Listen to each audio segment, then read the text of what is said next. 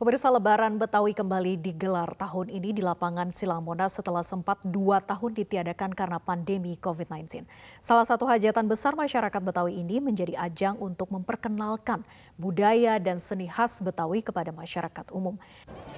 Ya, setelah sempat dua tahun tidak diadakan karena pandemi COVID-19, tahun ini Lebaran Betawi kembali lagi diselenggarakan di lapangan Silang Monas. Beragam atraksi khas Betawi ditunjukkan di sini dan juga tak hanya itu, acara ini berlangsung selama dua hari, dimulai sejak hari kemarin yaitu hari Sabtu tanggal 20 Mei dan puncak acaranya yakni hari ini yaitu hari Minggu tanggal 21 Mei 2023. Dan uh, bagi masyarakat yang ingin mengikuti acara Lebaran Betawi yang ada di Monas ini bisa langsung datang ke sini karena acara ini terbuka untuk umum, tidak hanya untuk masyarakat Betawi saja. Dan yang paling penting adalah gratis. Nah, bisa dilihat di sini masyarakat cukup banyak antusias sekali mengikuti acara Lebaran Betawi di lapangan Silang Monas dan memang ini menjadi salah satu angin segar begitu bagi masyarakat Betawi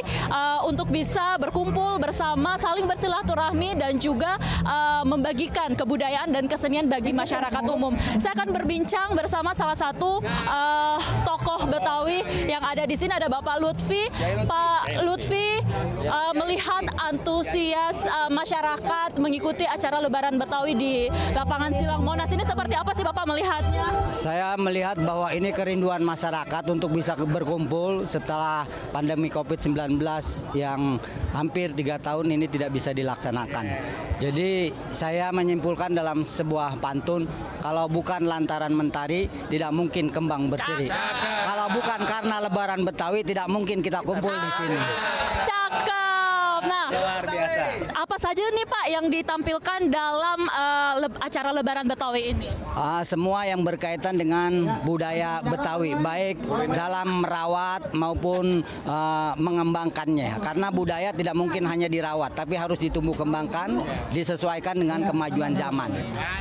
Harapannya nih ke depan Pak untuk acara-acara berbasis kearifan lokal seperti ini, apa nih Pak sebagai tokoh masyarakat Betawi? Harapan kami bahwa karena ini hajat masyarakat Betawi, maka porsi besarnya harus diberikan kepada masyarakat Betawi karena hanya masyarakat Betawi yang tahu, bukan melulu dikendalikan 100% oleh pemerintah Provinsi DKI Jakarta. Luar biasa. Betawi, Luar Jaya. Betawi, Jaya. Betawi, Jaya. Selamat buat masyarakat Betawi yang ada di sini. Terima kasih semoga ini semakin mempererat tali silaturahmi masyarakat Betawi dengan seluruh masyarakat yang ada di DKI Jakarta. Baik, nah pemirsa tak hanya budaya saja yang bisa kita nikmati di sini, namun juga beragam kuliner. Ini bisa kita uh, nikmati khas Betawi, ada kerak telur, selendang mayang dan masih banyak lagi. Dan mungkin bagi masyarakat yang bingung untuk menghabiskan akhir pekannya, datang ke acara Lebaran Betawi di Silang, lapangan Silang Monas ini mungkin bisa menjadi alternatif pilihan Anda untuk menghabiskan akhir pekan. Era reformasi sudah berjalan 25 tahun, tetapi demokrasi di Indonesia relatif belum sepenuhnya kokoh. Bahkan kebebasan sipil yang jadi syarat mutlak sebuah demokrasi masih belum menemukan ruang kebebasannya.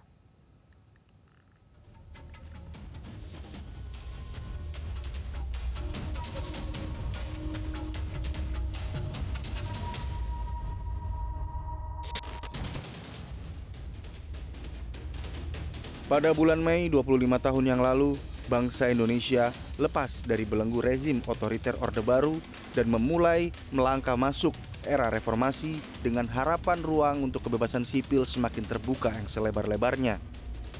Namun faktanya kebebasan sipil, khususnya dalam menyampaikan pendapat, kini justru semakin tidak terjamin. Terkikisnya kebebasan berpendapat di Indonesia itu tercermin dari banyaknya data yang menunjukkan bahwa kebebasan sebagai syarat mutlak demokrasi di republik ini kian merosot.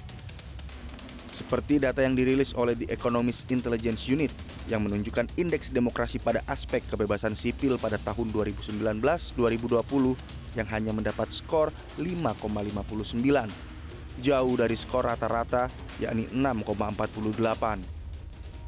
Meski di tahun 2021-2022 skor kebebasan sipil ada sedikit peningkatan menjadi 6,18, namun itu belum cukup dan masih di bawah skor rata-rata tahun tersebut yakni 6,71.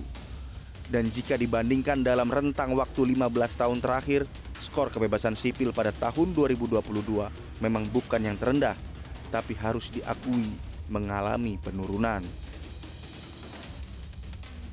Selain kebebasan sipil, skor aspek budaya politik Indonesia juga terus merosot.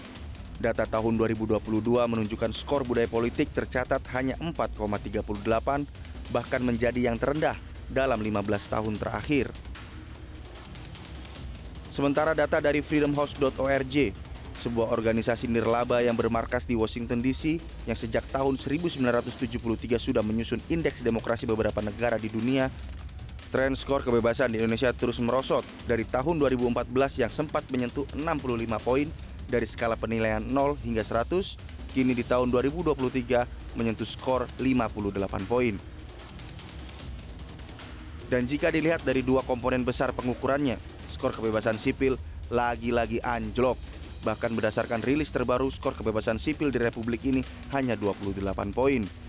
Sementara itu skor komponen hak-hak politik juga tidak menunjukkan perbaikan signifikan, malah cenderung stagnan di 30 poin.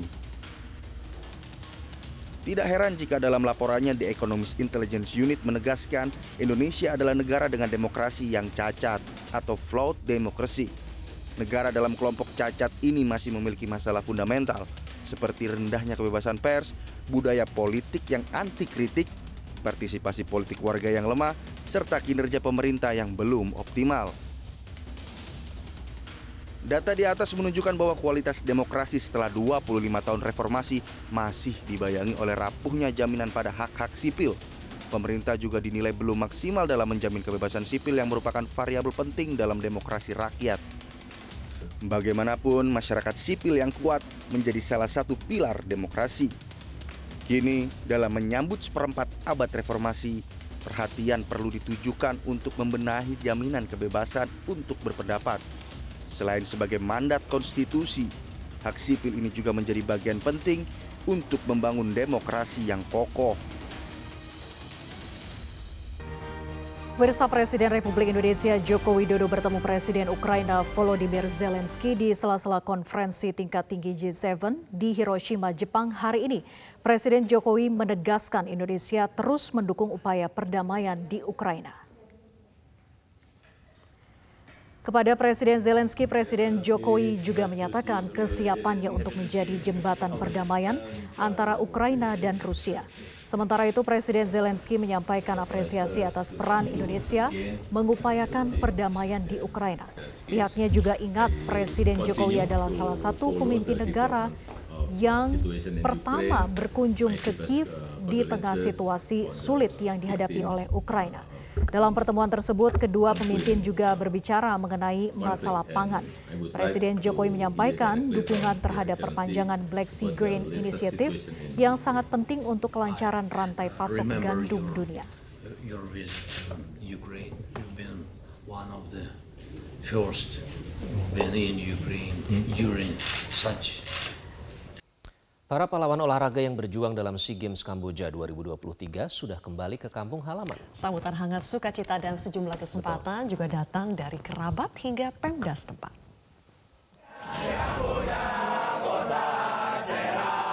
Rizky Juniansyah, atlet angkat besi peraih medali emas di SEA Games Kamboja disambut pengurus KONI Banten dan warga di kediamannya. KONI Banten akan mengguyur Rizky dengan bonus uang pembinaan. Rizky Juniansyah berhasil membawa pulang medali emas dari SEA Games Kamboja ke kampung halamannya di kota Serang setelah memenangkan cabang olahraga angkat besi nomor 73 kg putra. Atlet kelahiran kota Serang 17 Juni 2003 itu juga berhasil memecahkan tiga rekor sekaligus.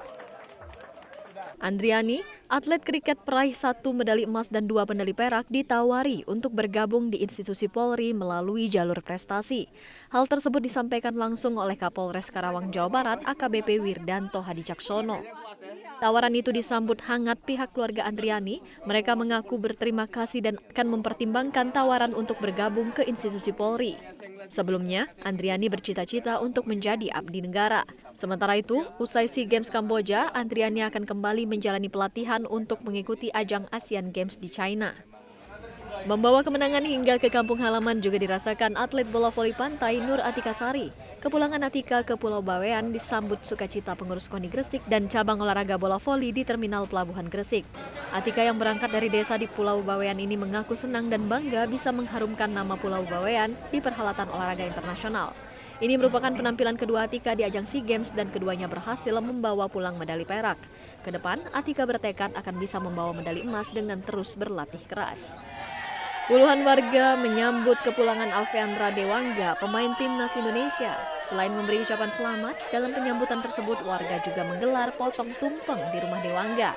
Dewangga menyampaikan bahwa dirinya bersyukur dapat membuat keluarga serta warga lingkungan tempat tinggalnya merasa bangga atas kemenangan timnas Indonesia.